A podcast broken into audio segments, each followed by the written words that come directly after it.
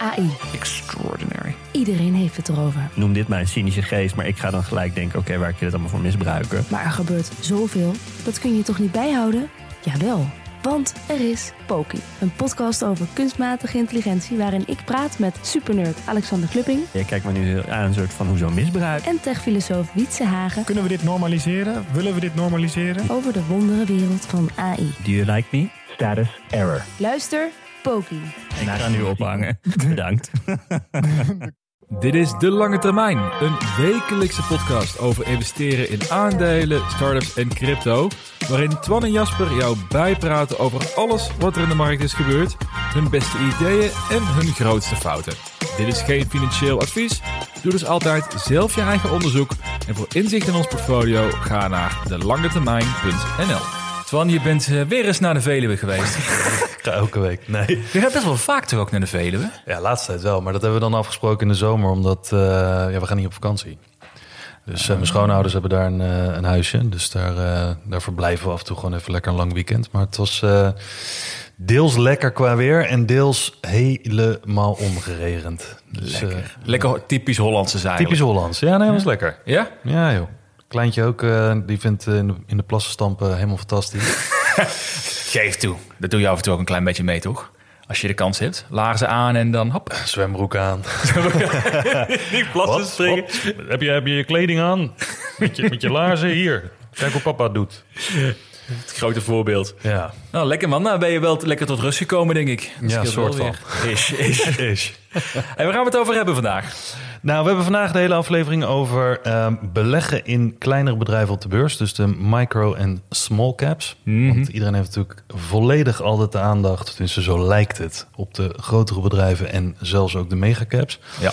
En de Apples van de wereld en dergelijke. Ehm, maar er zijn natuurlijk ook, hè, dat ga jij vertellen. Tenminste, ik hoop dat je dat gaat vertellen. Ja. Dat er heel wat eh, kansen en, eh, en potentie in zit. In de kleintjes. En eh, we gaan ook nog eventjes twee luistervragen eh, behandelen. Want eh, de eerste vraag was... wat is onze strategie bij nieuwe IPO's? ja. Wat er weer aan zit te komen als je het nieuws volgt. Ja, ja een tijdje leuk. niet geweest natuurlijk. Of tenminste niet echt een IPO-boom in de afgelopen anderhalf jaar geweest. En we hebben nog een vraag van Danny die vroeg mij... maar dat is aan ons allebei gericht... We hebben het in een afgelopen aflevering hebben we het erover gehad... dat wij niet in Chinese aandelen wilden zitten. Ja. Of tenminste ervoor gekozen hebben om daar niet in te zitten. En hij was benieuwd waarom. Of dat nog eh, politieke redenen heeft, of de markt. Of, eh, en of we nog aandelen op het oog hebben die hè, we daardoor gemist hebben, zeg maar. Dus we hebben wel aandelen op het oog, maar nooit ingestapt. Dus daar gaan, we, daar gaan we het over hebben. Leuk. Best wel drie diverse onderwerpen. Microcaps, small caps, Ja. IPO's. En waarom we nou in hemelsnaam niet in Chinese bedrijven zitten en wat we gemist hebben. Nou ja, er zijn we drie totaal verschillende onderwerpen. Niet zo divers als de vorige week. Nee. Dat was even knallig met allemaal luistervragen. Wel een leuke trouwens. Maar we hebben nu vandaag iets meer gefocust op één onderwerp en een paar luistervragen. Ja. Daarnaast gaan we ook nog Vriend van de Show opnemen. En nu is het weer in jou de beurt om mij een vraag te stellen. ja, want ik was benieuwd waarom jij, tussen aanhalingstekens, zo laat begonnen bent, bent met beleggen. Dus Ja, dat klinkt heel raar om te zeggen, zo nee, laat. Ik snap wat je bedoelt. Nou ja, dus zo laat begonnen ben met eh, geld verliezen. Ja. ja, maar beter zo laat mogelijk doen. oh, nee. Het draait gewoon helemaal op. Je moet zo laat mogelijk beginnen met beleggen. Het kost je alleen maar geld. Nou, dat leuk. En alle luisteraars verdwenen. Nee, daar gaan we het over hebben. Zometeen naar de aflevering. Voor de vrienden van de show. Dus voor 2,50 per maand kun je vriend van de show worden. Heb je een extra aflevering per week. En wie weet wat er nog meer allemaal in het vat zit. En we hebben best wat nieuwe vrienden weer eh, erbij. Ja. Afgelopen week. Dus we hebben Boos erbij gekomen. Jury is erbij gekomen. Dus twee eh, nieuwe vrienden van de show die graag de aflevering wilden volgen. En we hebben ook nog eens een keer, en daar wil ik wel een ook shout-out in dit geval, Ja. een flinke donatie gekregen van, eh, van Thijs. Die zei, jongens, pak er maar gewoon een lekkere fles whisky mee. Ja, vind ik cool. Ja, ja, Gewoon zomaar uit het niets. eh, ja, een flinke donatie, een paar duizend euro. Ja, ja, we hebben onze was hele, lekker. hele whiskykast ook weer. Thijs, bedankt. Nee, super. Nou, welkom allemaal nieuwe vrienden van de show. En natuurlijk ook Thijs voor de donatie. Heel tof ook dat jullie hier eh, je zuurverdiende geld aan, eh, aan uitgeven, aan ons investeren. hey, laten we doorgaan naar het eh, portfolio. Ja. Jij staat weer op plus heel veel procent waarschijnlijk. Ja, gewoon plus 32 procent. Hij is ook heel casual nog steeds, hè? Ja. ja, het klinkt ook heel casual. Ja, ja, ja. Maar wel lekker. Maar heb je nog dingen gedaan afgelopen week? Eh, nee, niet in het kernportfolio. Dat, eh, daar heb ik geen eh, aankopen of verkopen gedaan. Ik heb wel meerdere trades gedaan, waaronder eentje op de earnings van SoFi. Mhm. We hadden natuurlijk een aflevering gedaan over fintechs. Ja. En toen ben ik dat, nou ja, hè, omdat ik daar onderzoek naar moest doen, stond dat heel erg op mijn radar. En ik ben ook al die communities een beetje gaan volgen. En nou, daar kwam uit, tenminste voor mij, dat ik het interessant, of dat het mij interessant leek om op SoFi eventjes een trade te doen. Omdat de earnings toch wel, ja, hoge verwachtingen hadden, maar ook wel een hoge realiteit van het waarmaken van hun verwachtingen. En die eh, schoot in één keer in één dag eh 20% eh, de lucht in. Zo, ja. Dus heb ik vanaf de Veluwe op mijn mobieltje met slecht internet gelijk afgesloten. Dus eh, dat, wa- dat was een mooie. Dus ik naar binnen rennen tegen de glazen pui aan. Ik was zo enthousiast. Nee. Stel maar een paar pannenkoeken Ja. extra, dacht je. Dus eh, nee, dat, dat was het enige. En ik heb nog een paar andere trades openstaan rondom earnings. Ik heb eh, Robin Hood nog openstaan. Die komt eh, vanavond. Dus als mensen dit luisteren, gisteren. Mhm. Ehm, en nog een kleine op Block en Shopify. Omdat die ook in mijn kernportfolio zitten. Komen ook deze week, toch? Earnings. Ja, ja dus Shopify wel. eh, donderdagavond. Donderdagavond, ja. Ja, en Coin- en Coinbase ook. Maar zijn het dan flinke, zijn het flinke bedragen wat je daarop zet? Dus zijn het zeg maar kleine pookjes? Nee, kleine pookjes. Ik heb over het algemeen een regel dat ik niet meer dan... Nou, tenminste, ik heb ongeveer 10% van mijn belegde vermogen in traden zitten. En max Hm. 2%, dus zeg maar 1 vijfde per positie. Oké. Dat vind ik nog best wel aanzienlijk trouwens. hoor. 10% van je hele portfolio. Ja, En al die jaren opgebouwd. Dus dat, eh, het is, geen, eh, het is geen, in ieder geval geen, geen kattenpis. Het is niet nee, eh, het is een geen kattenpis. Dus zeg maar die 20% dat tikt ook wel lekker aan als je daar wat winst op kan pakken. Dus en iemand vroeg, dat is het laatste dan, maar iemand vroeg aan mij van, of tenminste die maakte de opmerking op Twitter van, eh, ik dacht dat jij alleen maar in posities zat die je ook in je kernportfolio had. Ah, Dus, goede opmerking. Ja. trade-posities. Maar ja, heel eerlijk, eh, er waren gewoon heel veel kernposities waren enorm opgelopen. En dan zie ik het voor een trade niet zo super Hmm. zitten in die zin. Dus dan ga ik op zoek naar andere dingen, eh, bij gebrek aan beter. En eh, in dit geval eh, heeft dat in ieder geval bij de eerste goed uitgepakt. Nou ja, en je doet ook niet een opties, toch? Dus je doet niet Nee. shorten. Want dat was misschien dan wel een optie geweest, eventueel, Ja, om mee te kunnen spelen. Maar ik snap wat je bedoelt. Ja. Dan heeft het, eh, ja. ja en in het geval van SoFi had ik ook wel best wel een strakke stoploss. Want die, daar wil ik niet, die wil ik toch niet toevoegen aan mijn kernportfolio als het misgaat. Dus daar stond een redelijke stoploss op. Dus, Mhm. eh, maar is goed gegaan. Dus, Oh, lekker. Dus als je je kernportfolio goed rendeert, dan heb je altijd ook nog je trainingportfolio mee aan te vullen. ja, Lekker, ja, lekker man. kan ik van op vakantie. Pannenkoeken met caviar eten. nou, ik moet zeggen, ik zit zelf weer op plus 6%. Dus het gaat er alle kanten op. Ja. Het is echt eh, ja, 10, 10% per week gaat het naar boven of naar beneden. Dus eh, En zijn dat, is dat bij al je posities dan? Of zijn er nog steeds maar een aantal die er verantwoordelijk voor zijn voor dat hele heen en weer schommelen? ja, eigenlijk alles schommelt wel eigenlijk. Ja, ja want dan, dan is het weer... eh, eh, dan is het weer Coinbase die van 110 dollar naar 90 gaat in een week tijd. En dan is het weer eh, Canoe die weer 20% omhoog gaat in een week tijd. Het gaat alle kanten op. Ja, het Het zijn is, dus niet de eh, apples van de wereld natuurlijk. Ik heb een, een, een licht volatiel portfolio. Oh, oké. Dus degene die het beste doet, blijft Google. Dus dat is wel weer verrassend Ja. in die zin. Maar ook niks gedaan, ja, zoals ik zei vorige week. Alleen ik ben nu wat meer focus aan leggen op, op crypto. Omdat ik daar maar 4% van mijn portfolio is maar crypto. En dat is eigenlijk... En maar heb je daar niks van gekocht de afgelopen week? nee, neem mijn geld dus op aan. Echt? Ja joh. Heb je geen cash meer? Nee, Nee, ik moet weer eh, ik de moet afwachten. Ja, ik moet hopen dat ik mijn salaris ergens binnenkrijg binnenkort. Rekening kunnen betalen.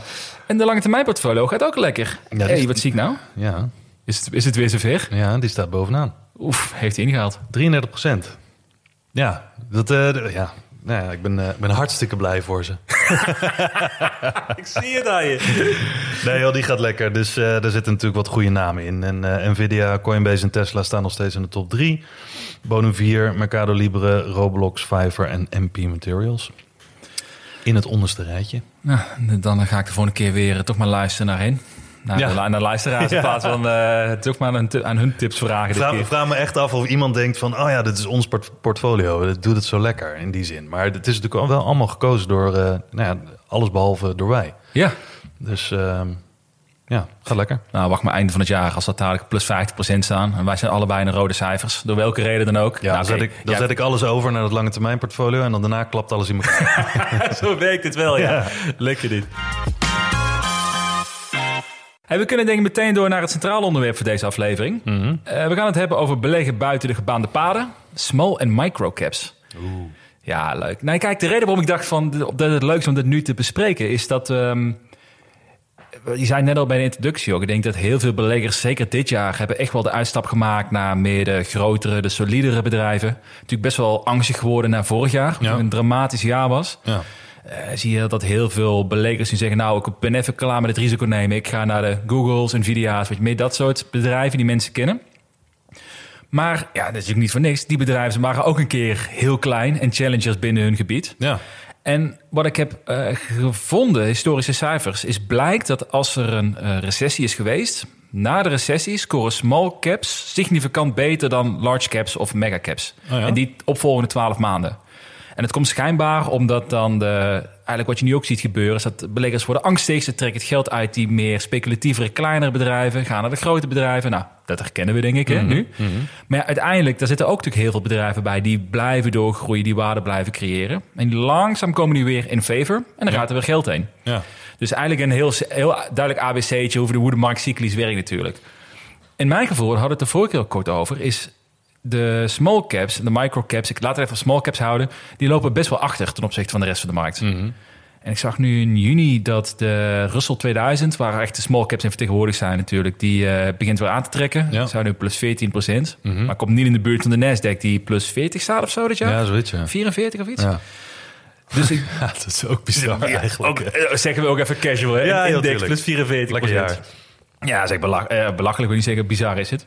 Maar dus ik dacht, oké, misschien is dit dan een leuk moment voor degene die een solide portfolio heeft opgebouwd, om ze te prikkelen, om ook eens na te gaan denken of misschien small caps of micro caps ehm, een leuke toevoeging kunnen zijn aan het portfolio. Ja. En Denk, dan- denk je trouwens ook dat, want hè, je zegt, als er historisch zeg maar uitkomt qua cijfers en qua trends, dat, dat in de twaalf maanden nadat er een recessie is geweest, of ik weet niet of we hem hebben gehad, maar in ieder geval de Ja, bodem van de markt is geweest, dat die eh, het meest outperformen. Ik zie dat bijvoorbeeld ook bij crypto, maar ook in die zin qua rotatie eh, in het algemeen, dat je ziet dat mensen op het moment dat ze heel onzeker worden in de veilige dingen gaan zitten. En op het moment nu Mhm. dat er zo'n run-up is geweest, dat mensen zich weer veiliger voelen.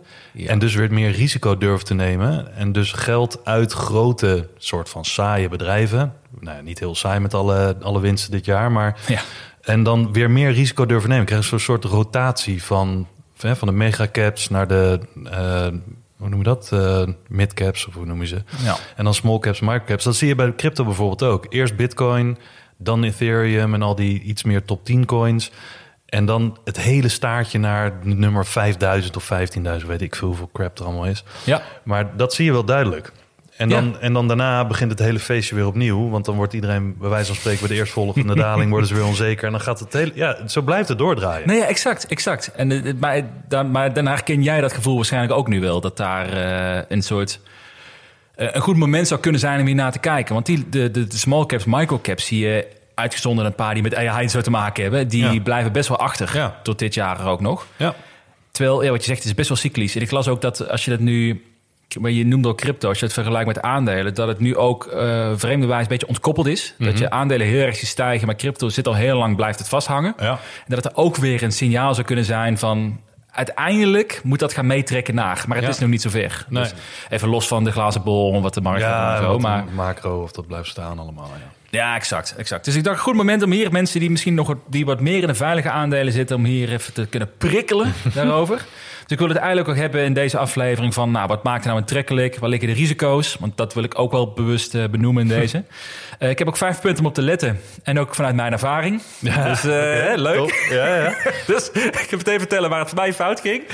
en, en ik heb ook bij onze luisteraars gevraagd op Twitter en op Instagram van wat zijn nou jullie favoriete small en micro caps? Dus daar ga ik een paar van noemen. Ik ken Oh, ze ja. zelf niet helemaal, maar misschien dat er een paar mensen triggert. Oké, Je weet het nooit. leuk. Ehm, maar ik denk misschien goed om te starten van ja, we hebben nu al small caps, micro caps, mega caps. Er zijn, hoe het werkt in die zin is, de beurs heb je een paar, nou noem het even waarderingscategorieën. De kleinste is dan microcap en dat is bedrijven onder de 300 miljoen dollar. het, zijn echt, het kan het 10 miljoen zijn, het kan 20 miljoen, dat- nou, onder de 300 zijn. Dus vaak echt kleine bedrijven. Small caps zitten tussen de 300 miljoen en 2 miljard. Dan heb je de midcaps tussen de 2 miljard en de 10 miljard. En de large caps plus 10 miljard. En dan heb je ook nog de uitzonderlijke categorie, de megacaps. Maar dat schijnt dus per periode te veranderen qua bedrag. Omdat het natuurlijk enorm kan doorslaan op een Ah, moment. ja. Dus nu Ja. is dat plus 200 miljard. Dan ben je een megacap. Maar ja, als alle aandelen dadelijk weer 100% blijven stijgen de komende twee jaar, dan zal die, uh, zal die waarschijnlijk ook iets toenemen. plus 200 miljard wordt een eh, small cap. Ja, nou, ja precies. Dat zijn de rookies op de beurs. Maar dat is denk ik wel leuk. Ik denk dat veel beleggers zijn bekend met die me- megacaps, midcaps. Hè. Dat zijn dus de Apples, de Googles, je kent ze wel. Maar ook de iets meer de specifiekere bedrijven. Dus de Pinterest, Asana, Coinbase, waar we allebei in zitten. Zijn ook al bij midcaps. Roblox zo eentje. Dat zijn vaak bedrijven die mensen kennen als je iets in, met die industrie hebt... of meer veel met beleggen bezig bent... Maar ik denk nog steeds dat, laten we zeggen, 50% van beleggers niet veel van die middencategorie weet. Nee. Uh, maar die heb je wel al meer, heb je als je wat iets actiever hiermee bezig bent. Maar als je het hebt over micro- en small caps, dan kom je juist uit bij die bedrijven die eigenlijk heel weinig mensen kennen. Dus als jij met een, eh, een eh, vriendje van jou praat die ook iets doet met beleggen. En je zegt van, joh, ik, ik- heb je ooit gehoord van Lemonade? Dan zegt hij waarschijnlijk, eh, wat was dat? Wat, eh, eh, kunnen we dat drinken? Is Ja. dat, eh, is dat, of of eh, Fiverr, is, is dat een gokspelletje? Dus, dus Ja. Mensen hebben geen idee, als je het over die aandelen hebt, waar je het over hebt. Bij de gemiddelde belegger, denk Ja. ik. Maar dat is denk ik ook alweer een kans. Maar is Fiverr dan een small cap? Ja, eh, Fiverr is nu maar 2 miljard geloof ik aan mijn hoofd. Oh joh. Ja, nou, die zijn, zijn echt behoorlijk gedaald. Ah, die, zijn, eh, die waren, volgens mij, uit mijn hoofd zeg ik dit, die waren volgens mij iets van 20 miljard Ja, op het hoogtepunt en nu terug naar 2 miljard. zo. Dus die hebben echt een behoorlijke eh, run-up en weer een behoorlijke run-down meegemaakt. Dus ze zijn van large cap naar small cap eh, gedegradeerd. Ja, ja, inderdaad ja. Ja, hebben de mid cap overgeslagen. Nou, dat is denk ik natuurlijk al... Ja, die, hadden daar geen zin in. Nee. Nee, eh, nee large cap is... Nee, ja, dat toch? Large Ja. meer dan 10 miljard? Oh, je hebt gelijk. Ja. Ja, je hebt, ja tussendoor. Maar dat is natuurlijk het grote risico bij dit soort bedrijven. Is iedereen, niemand kent het. Superleuk. Ja. Ehm, en dat maakt ik ook heel aantrekkelijk. Want dat betekent ook dat je, zoals een Survivor... die zijn dus de 10x in een jaar tijd... toen de bull market zo sterk begon. Daar kun je natuurlijk heel veel mee verdienen. Eh, en het, er komt zo op het risico's, die zitten er natuurlijk ook aan. Maar je kunt je voorstellen, een, een Fiverr... die gaat veel sneller van 2 miljard naar 20 miljard waardering... dan een Adobe van 250 miljard naar 1 biljoen Ja. zou moeten gaan. Dus Ja. Er gaat gewoon niet 750 miljard extra in een aandeel pompen vanuit de markt. Dat is natuurlijk meer gevraagd dan 18 Ja. miljard. Dus eh, dat maakt ook dat die eh, bedrijven vaak meer potentie hebben voor rendement. De uitdaging daarbij is wel, merk je meteen, dus dit is vaak eh, onbekende aandelen. Ik denk als jij in een groepje, nogmaals, met een groepje vrienden praat, dus je allemaal wel een mening hebt over Google bijvoorbeeld, of Ja. over Nvidia. Maar ja, een mening hebben over Dermtech, wat een, eh, ja, nooit verhoord waarschijnlijk, Dermtech. Maar dat is een health tech bedrijf die melanoma kan checken door middel van een, eh, stickertje. Dus normaal moet je, je, eh, dus de grootste, mij meest voorkomende vorm van kanker is dat bij mensen, zijn melanomen. En dan ehm, normaal, normaal gesproken moet je een moedervlek eruit snijden. En dan moet je gaan laten testen om te checken of dat een melanoom is of niet. En nu kunnen ze een sticker op plakken. En dat is eigenlijk voldoende. En dat is al genoeg DNA-data om te checken of het, of, het, of het eruit moet halen of niet. Nou joh. Ehm, heel tof, maar wel een superklein bedrijf dat heel weinig mensen kennen. Ja. Dus als jij met je vrienden gaat praten, hey, wat vind jij van de Dermtech? Heb je nou een keer een positie geopend? Dan zeggen ze, what the fuck is dat? Darmtech. Dermtech, ja. Nee, maar denk je ook niet dat, even tussendoor, dat ja. ik, ik zit heel veel, ik bedoel, ik zit zelf niet heel veel dingen op te zoeken op Reddit en allerlei fora en zo, maar voor dat fintech verhaal heb ik dat wel gedaan. En ik zie wel heel specifiek dat, kijk, voor de Googles en de Apples heb je niet zo van, van die niche groepen, zoals bijvoorbeeld wel met Canoe, die gewoon alles in de gaten houden en die gaan langsrijden, bijvoorbeeld bij productieplans en dat soort dingen. Ehm, echt een soort, bijna, nee, ik wou niet zeggen een cult, maar alsof het een soort religie is of zo. En dat zie ik ook bij heel veel namen die ik dan niet ken. En dan bij sommige mensen voorbij zie komen op Twitter. Dan ga je heel even zoeken en dan kom je op zo'n Reddit bijvoorbeeld terecht. En dan denk ik echt, niet normaal hoeveel mensen hierin zitten. Waarom hoor ik hier nooit wat van? Ja. Maar dat is dan omdat er niet vaak, denk ik, over gesproken wordt. Ook niet in de kanalen waar ik in zit, ook op Twitter bijvoorbeeld. Want dan heb je toch meer over de trends en over eh, de grote jongens die eh, hun cijfers rapporteren en dat soort dingen. Maar over die, vooral die small caps en die microcaps bijvoorbeeld, daar hoor je echt helemaal niks over. Nee, Tenminste, klopt. nauwelijks Nee. iets. En dan komt er ineens iemand met zo'n voorstel van zo'n naam. En dan denk ik, ja, bij mij schiet als, als eerste, nou dat ken ik niet. Ik heb er nog nooit iemand over gehoord. Dit is gokken. Ja. Ja. Wat we natuurlijk, we hebben het vaker over gehad. Dat wil helemaal niet zeggen dat het gokken is. Want wat je net ook al zegt, die bedrijven zijn ooit, die grote bedrijven zijn ooit begonnen als kleine bedrijfjes. Ja, en dat heeft een hele niche following. En ik zit dan in zo'n zo'n Reddit en dan, dan raak ik bijna enthousiast over ja, niet alleen de pulp die daar voorbij komt, maar ook toch wel mensen die echt gewoon supergoed onderzoek doen en dingen aan elkaar verbinden. En dan, het voelt veel meer buzzing dan bijvoorbeeld bij een Google community of bij een Ja. Apple community of wat dan ook. Want daar zijn alle feiten zijn natuurlijk allemaal al bekend. Maar dat is het. Maar dat maakt het ook heel eh, leuk. Als je, als je het leuk vindt om echt eh, bedrijven te analyseren, dan is het superleuk om in die small caps te zitten, omdat je je veel meer zelf kan gaan ontdekken. Eh, en ook nooit gedwongen, want de grote, dat is denk ik ook de reden waarom dit zo aantrekkelijk is. Dus de grote fondsen en analisten die kijken niet naar dit soort bedrijven, of Nee. heel minimaal. En, hebben misschien ook wel voorwaarden waardoor ze er niet in kunnen gaan zitten. Of- Ja, klopt. Ze zijn ook vaak zijn die, eh, eh, die market caps zijn veel te laag. Dus zij kunnen geen serieuze positie openen, want dan blazen de hele koers op. Ja. Ah, ja. Eh, Ja. Vaak ook het geval dat ze eh, bepaalde fondsen of veel fondsen mogen niet investeren in bedrijven die nog geen revenue maken of die nog, niet, die nog zwaar verliesgevend zijn of, Hmm. of pas een paar jaar geleden spec zijn geweest, weet je zoiets. Ze mogen daar gewoon niet in investeren. Het is te speculatief voor ze. Dus die grote fondsen komen daar niet in. Dus Maar- het is echt een retailmarkt. dan. Het is echt een retailmarkt. Ja. Maar dat, dat zie je ook als je bijvoorbeeld kijkt naar bijvoorbeeld Seeking Alpha. Zo'n website waar je ook heel veel eh, content creators meningen kunnen geven... of artikelen schrijven over bepaalde aandelen. Mhm. Als je daar kijkt naar Google, dan heb je iedere dag wel drie, vier artikelen... die helemaal uiteenzetten waarom, waar de groei in zit... hoe de toekomst eruit ziet. Alle berekeningen die je maar nodig hebt. Dus je hoeft niet veel huiswerk te doen, behalve hun artikelen lezen. Mhm. Ja. En dan weet je wel wat er speelt. Maar ga naar zo'n Fiverr toe. Nou, misschien één artikel per twee weken. Ja? En dan denk je, ja, ik heb hier niet genoeg aan mening te baseren. Dus je moet gaan uitzoeken. Je gaat in de investeringspresentatie ga je lezen. Je gaat groepen zoeken die ook verdiept hebben erin, die waarmee je kunt sparren. Dus je moet wel. En waardoor je ook misschien veel meer alfa hebt. Exact. In de zin van, hè, je hebt een voordeeltje op de rest van de markt. Want ja, eh, Google, daar zal je weinig voordelen uithalen. Want iedereen, elke analist ziet dezelfde informatie. Ja. Terwijl op dit soort eh, kleine bedrijven of kleinere bedrijven...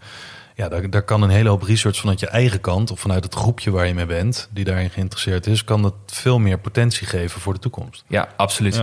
En dan staat ook in het boek eh, 100 Bakers, waar ik al een paar keer naar verwezen heb. Maar, dit- staat- maar dat vond ik wel heel praktisch. Er staat bij van eh, hoe meer analisten iedere kwartaal zeg maar, een, een, een, een estimate doen van de earnings. Je ziet bijvoorbeeld op Yahoo Finance kun je zien, zo, 36 analisten verwachten dit. Hoe meer daar naar kijken, hoe minder alfa je hebt, hoe meer Ja. voordeel je hebt. Want de hele markt heeft al gekeken naar het Ja. aandeel. Dus de kans is groter dat het redelijk goed gewaardeerd al is. Dat jij niet meer gaat weten dan hen. Nee. Maar als je bij zo'n kleine bedrijf aankomt, eh, misschien zijn het één of twee analisten, ook in zo'n call, één of twee analisten die inbellen om vragen te stellen. Dus het is totaal in de schaduw. Oh, grappig. En maar dat maakt natuurlijk ook alweer super interessant. Dus je kunt er veel mee doen. Het leuke ook, denk ik, in deze fase waar we in zitten, is dat. ehm het is nu dus een goed moment, denk ik. Juist omdat dus heel veel beleggers naar die zekere kant zijn gegaan, waar dus alle grote fondsen ook in zitten. En eh, ik zei al, de Russell 2000 is nu pas een beetje aan het opmars begonnen. Dus het lijkt een goed moment om langzaam daar neer- meer naar te gaan kijken. En mensen risico durven, nemen- durven nemen. Er zitten wel meer risico's aan. Want het klinkt allemaal hartstikke leuk. Hè? Heel Ja. tof aandelen gaan analyseren. Je eigen mening maken erover. Ehm, maar er zijn wel drie dingen waar je serieus rekening mee moet houden. En dit, die liggen allemaal redelijk voor de hand. Maar ik wil het wel echt benadrukken. Want ik heb het zelf wel onderschat. Ik heb zo'n paar voorbeelden natuurlijk ook.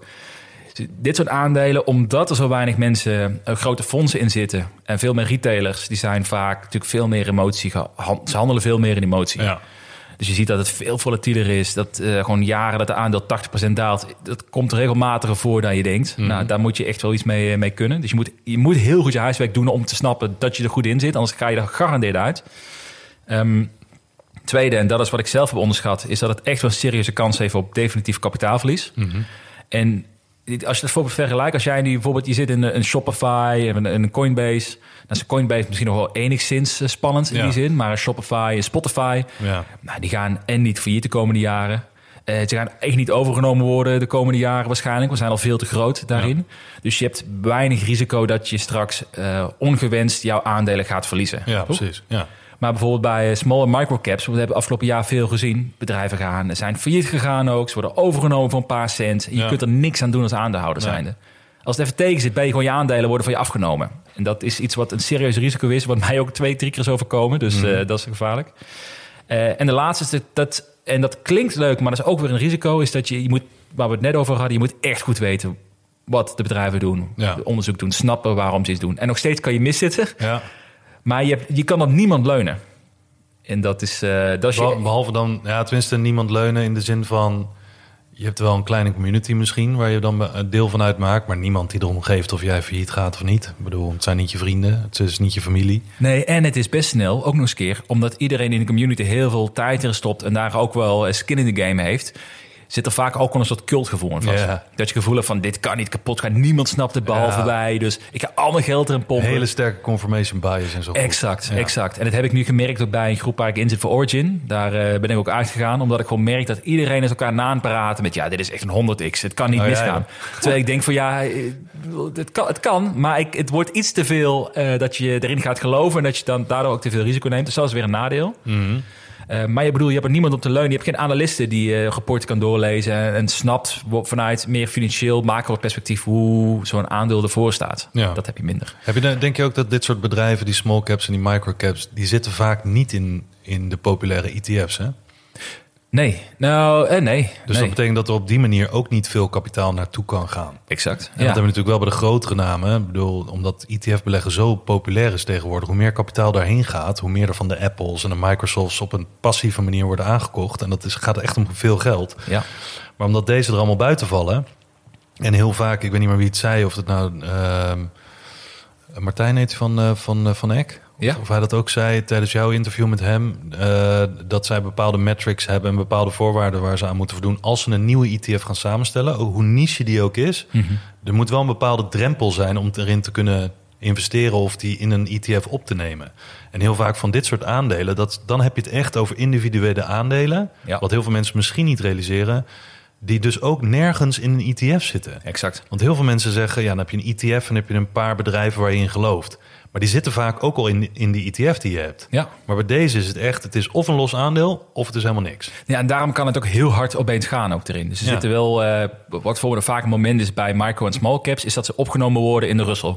De Russell 3000 of Russell 2000. En dan. Ja. dan gaat er weer volume gaat omhoog. Alleen, ja, hoeveel mensen kan jij die een Russell ETF hebben? Nou, niet. Ja, nee. Niemand, niemand zit erin. En daarnaast denk ik als je, als je in dit soort bedrijven zit, je wil niet in een ETF. Want je moet echt heel, gaan, Ja. heel selectief zijn waar je wil investeren. Want heel veel is ook gewoon pulp. Ja, Eh, of bedrijven die nooit gaan maken, laat ik het zo noemen. de Pulp ETF. De pulp ETF.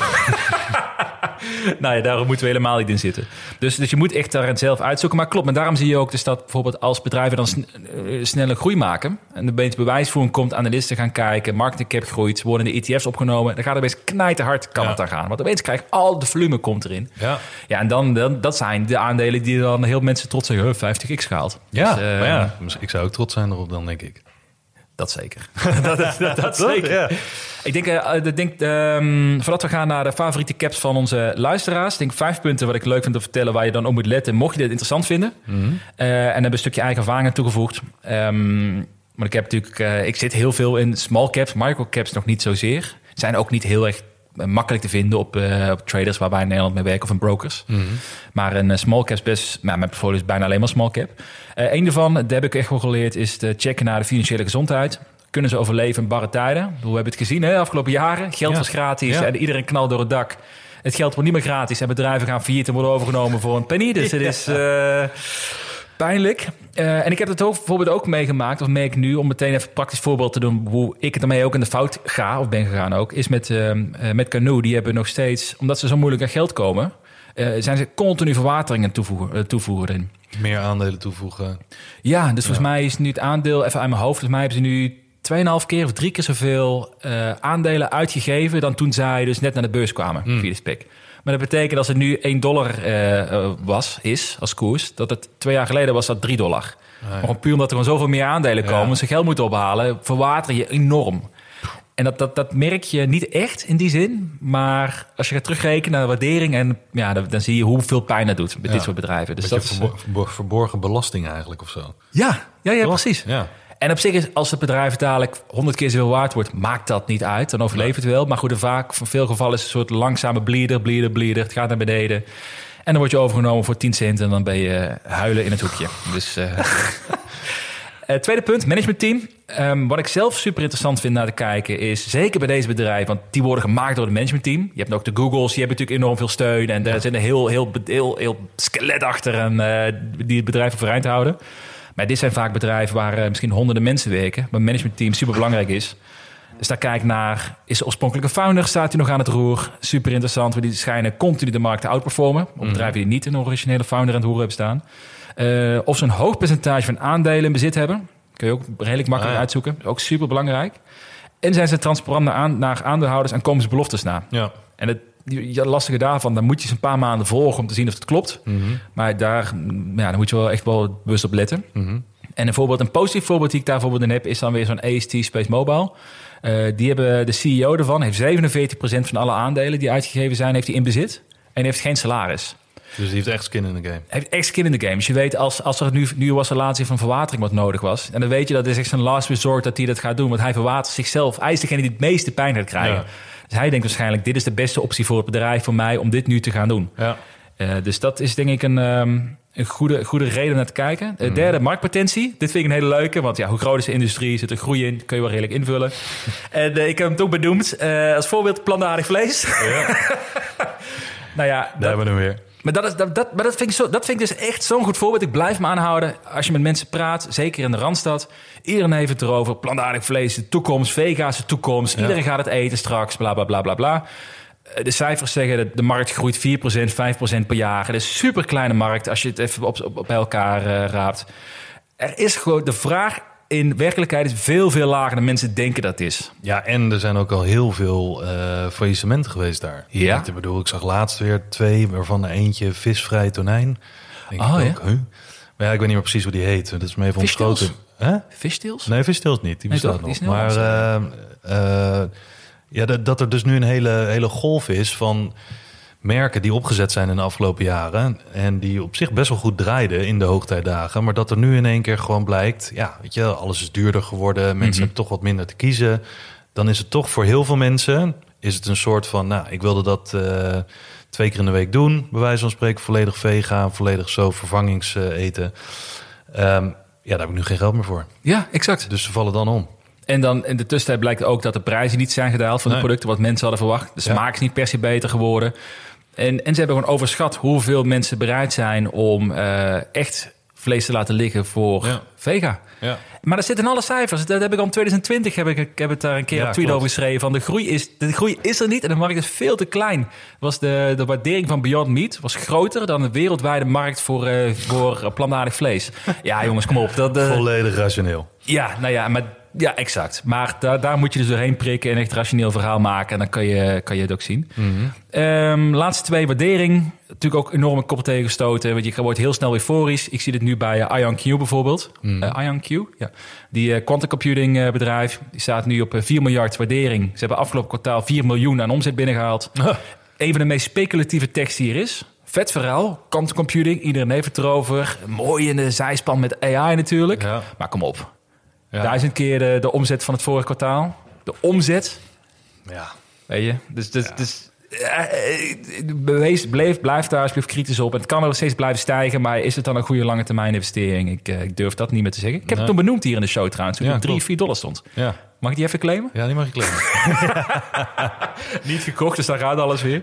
Eh, laatste, maar dit is een hele logische risicotolerantie. Ik zei het al, het is wel heel... eh, microcaps, met name ook small caps, zijn gewoon heel agressief. Dus ik ben er zelf heel agressief in, maar ik denk voor de gemiddelde belegger... als je dit aanspreekt, om ook te kijken naar dit soort bedrijven... die jou, bij jou een rol kunnen spelen.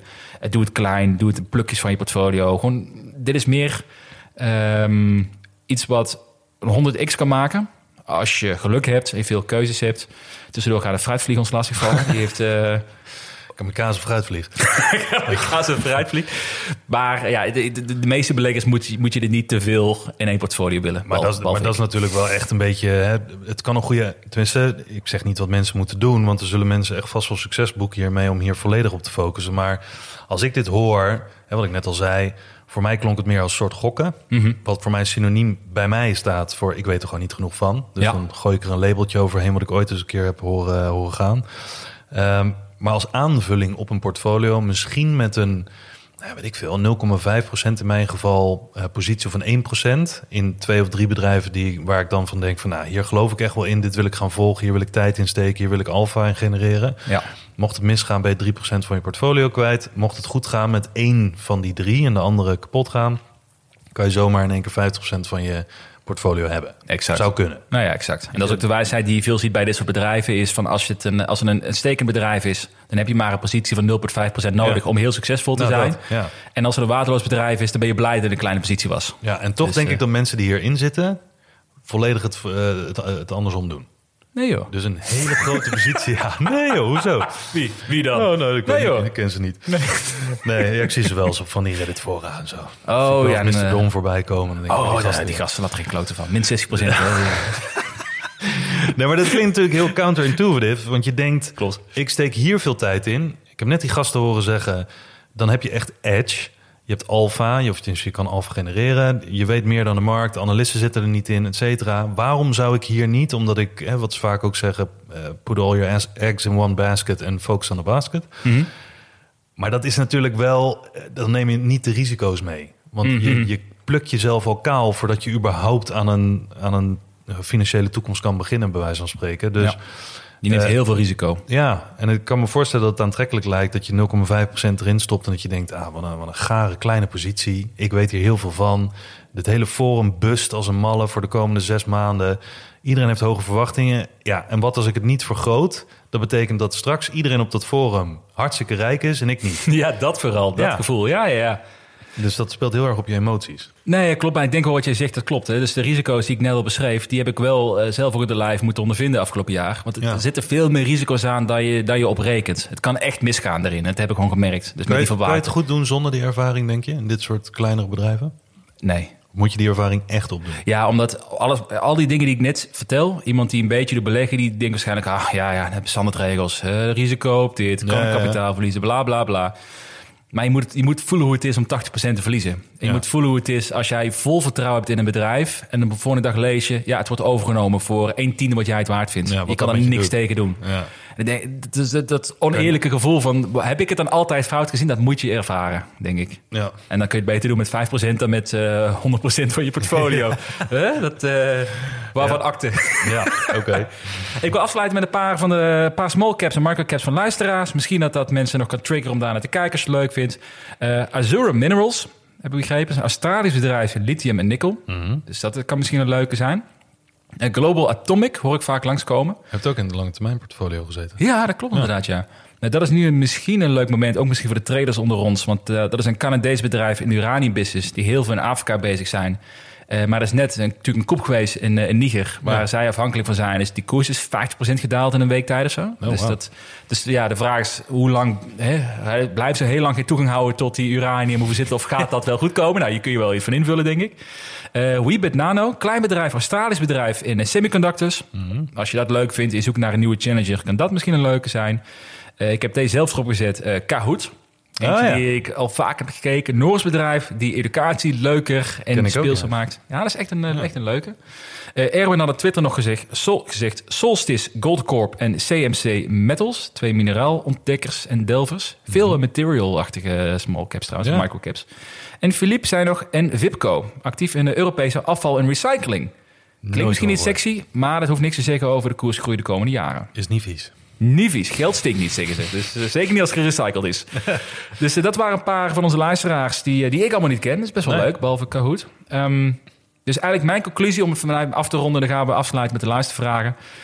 Ik denk dat dit best een goede periode is... om als je nog niks hebt met... Nou, laten we small caps houden. Dat, ehm, dat nu een goede periode is om daarnaar te gaan kijken. Ik echt denk dat daar nu de langzaamaan zie je daar verschuivingen komen... in, in de waarderingen ook. De groei langzaam erin te komen.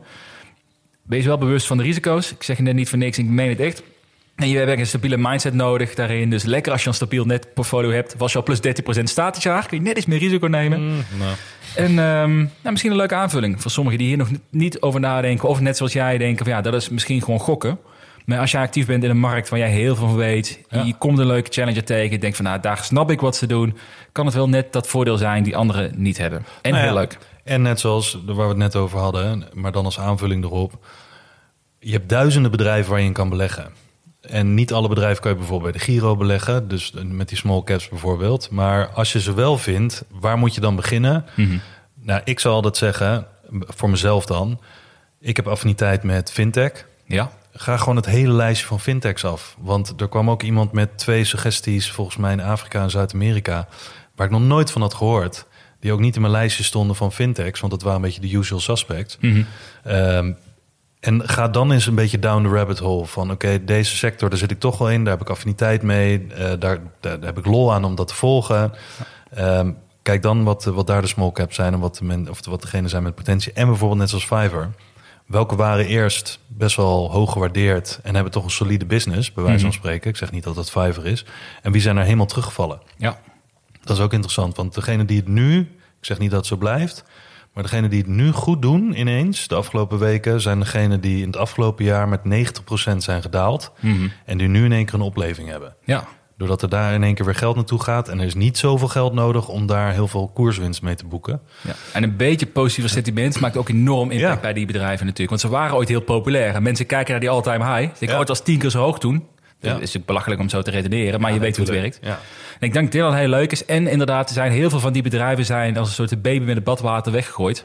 Waar echt wel toekomst in zit, die gewoon lekker zijn blijven groeien. Net zoals Amazon in 2000. Daar waar nu al die verhalen over zijn. Iedereen kon het zien dat de omzet steeg, de dingen stegen, verlies nam af. Iedereen kon dat zien. Nou, nu heb je er ook tien. Ga ze maar zoeken. zeg maar welke het zijn, zoek je Amazon. Nu het moment voor. Dus eh, vooral, vooral niet naar mijn portfolio kijken, want ik loop een beetje achter. ja, tot zover eigenlijk de small en eh, microcaps. We hebben nog twee luistervragen binnengekregen. Ehm, die ga ik aan jou stellen, want dan jij, dan kan ik even een whiskietje eh, pakken. Ja.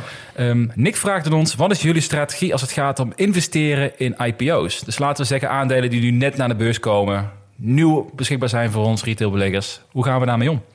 Eh, nou, dan maak ik even een onderscheid, denk ik, tussen de bedrijven waar ik in zit vanuit private equity, Ja, die, naar de ja. beurs gaan. Want dan eh, heb ik mezelf aangeleerd eh, en echt verteld, dan hangt het van een waardering af, maar dan neem ik zo snel mogelijk winst. Mhm. Ehm, omdat je krijgt altijd zo'n soort van rare reactie eh, met een gehypte IPO. Hoe meer die gehyped wordt, hoe, meer de lucht, hoe sneller de lucht eruit gaat na IPO-datum. Ja. Niet altijd, maar vaak wel. Dus dan neem ik gewoon in die zin zo snel mogelijk winst. Ehm, ik heb het één keer gehad met een bedrijf waar ik in geïnvesteerd heb in eh, private equity. En vervolgens is hij naar de beurs gegaan. Eh, nou, daar kunnen we een hele aflevering over doen. Dat ik die niet heb kunnen overzetten naar een, eh, naar een broker. Mhm. Want dat lukte niet. We gingen om een klein bedrag, maar inmiddels zijn ze 99% gedaald. Oh. Terwijl ze in de eerste drie dagen 300, 400% stegen. Ja. Dus als ik dan gelijk maar mijn regel had kunnen houden als hij beschikbaar was geweest, dan, dan had ik daar mijn winst gepakt. Dus dat. Ehm, maar als het een bedrijf is waar ik niet al in zit en die gaan een IPO doen, dus worden dan beursgenoteerd en daar zou ik op kunnen instappen, net zoals met Coinbase, een Ja. tijdje geleden, ja. ehm, dan wacht ik het af. Hoe lang? Eh, meestal één of twee maanden.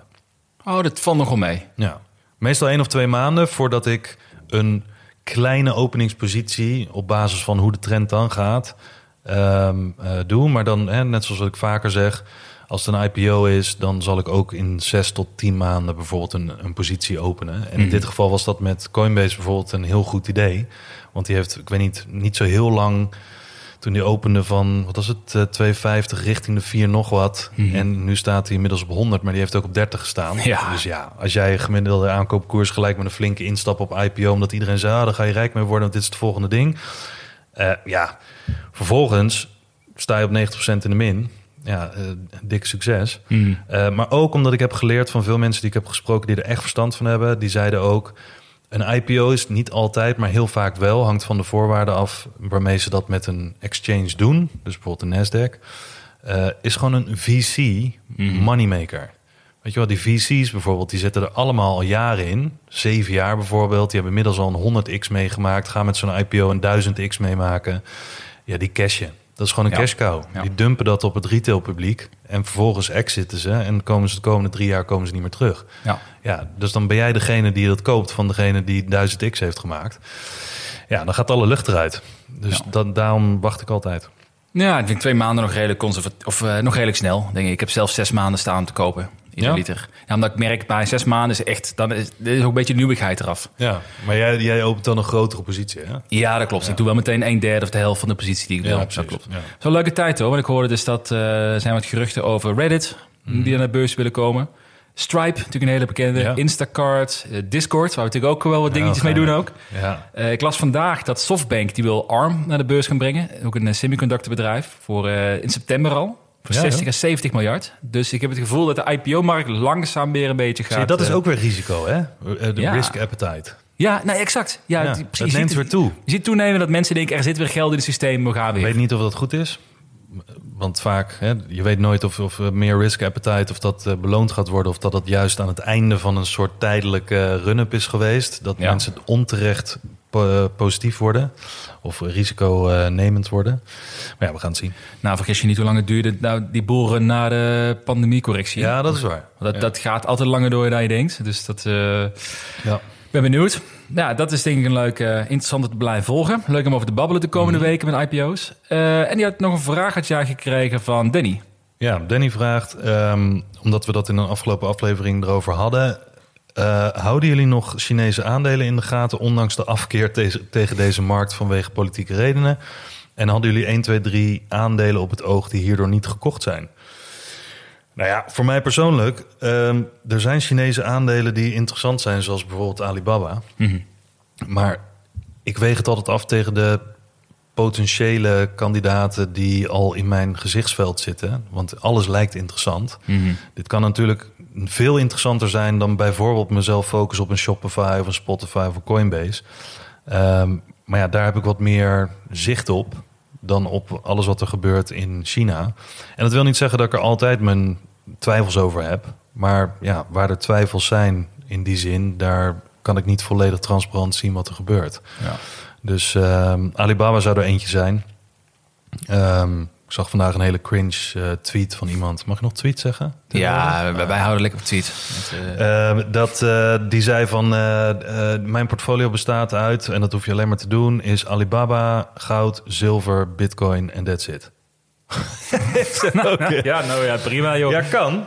Kan, kan fantastisch werken. Maar ja, goed, ik weet niet. De, ja, wat we eerder hebben gezegd. Ik heb ze niet op mijn radar staan. Ik hou er een paar in de gaten, waaronder Alibaba. Maar, Het voelt wel een beetje als iemand die waarschijnlijk ook zegt dat de westerse wereld gaat, eh, kapot gaat. Dat Amerika Ja. gaat eh, uitsterven, Ja. dat China opkomt. ja.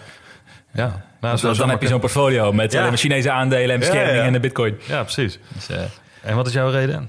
ja, ik moet zeggen, het zijn, ik denk niet dat politieke redenen de beste keuze zijn. Want het is niet politiek. stand van. Nee, daarom. We hebben geen idee van wat er allemaal speelt. Maar het is meer het, het, het gebrek aan inzicht en dat je niet op kan vertrouwen. Ja. Dat is meer eh, een van mij voor de reden om niet te doen ook. Nee, ik had dus heel lang, of heel lang, in 2020 had ik NIO al een keer op mijn, eh, op mijn radar. Eh, die vond ik interessant. Maar ook daar, toen begon ik in te lezen over Chinese aandelen. Toen heb ik het ook laten varen. Baidu vond ik heel interessant. Ja. tijd terug. En Alibaba ook, wat jij zegt. Alleen Ja. dat, die heeft vorig jaar ook heel laag gestaan, Alibaba. Maar als je kijkt naar waarderingen, even uitgaan dat klopt. Dacht je, dat is een fantastische deal, moet je doen. En Ja. nog steeds vond ik het, eh, ik vond het risicovol. Ja, Dat- staat wel dat is jammer. uitbreken volgens mij nu. Maar waar we volgens mij wel naar eh, meer naar kunnen kijken, misschien leuk van de volgende, is bijvoorbeeld eh, andere Aziatische landen, zoals Ja. Singapore, Zuid-Korea, Japan, beginnen weer op te komen. Er zitten ook heel veel leuke aandelen bij hoor. Die we Hoor je weinig over. Ja, Ja. hoor je weinig. Maar dat is, dat, zeker Zuid-Korea is natuurlijk misschien wel het techland van, met Singapore van Azië. Dus dat liggen kansen. En India in de toekomst natuurlijk. Hè. Oh, ja. dat, eh, Ik weet niet wie dat zei. Nee, hè? Nee. Hey, we gaan door met de aflevering van eh, Vrienden van de Show. Je gaat me vragen waarom ik zo verdonders traag ben geweest met beleggen. Ja, dat. dat is lekker dit. Hey, dankjewel allemaal weer voor het luisteren. Ehm, voordat ik het vergeet, we staan nog steeds open voor scores via Spotify, iTunes, reviews via iTunes, ook superleuk. Je kunt ook via Spotify kun je vertellen wat je van deze aflevering vond. Misschien heb je nog een onderwerp waar jij zegt, joh, praat daar eens een keertje over. En Ja. daar staan wij ook voor open natuurlijk. Want eh, als wij maar een whisky bij de hand hebben, dan praten we over alles. Dus dat komt wel goed. En dat dankzij Thijs hebben we weer heel veel whisky bij de hand. Dat, dat scheelt. Hey, dankjewel allemaal weer voor het luisteren. En eh, tot de volgende week.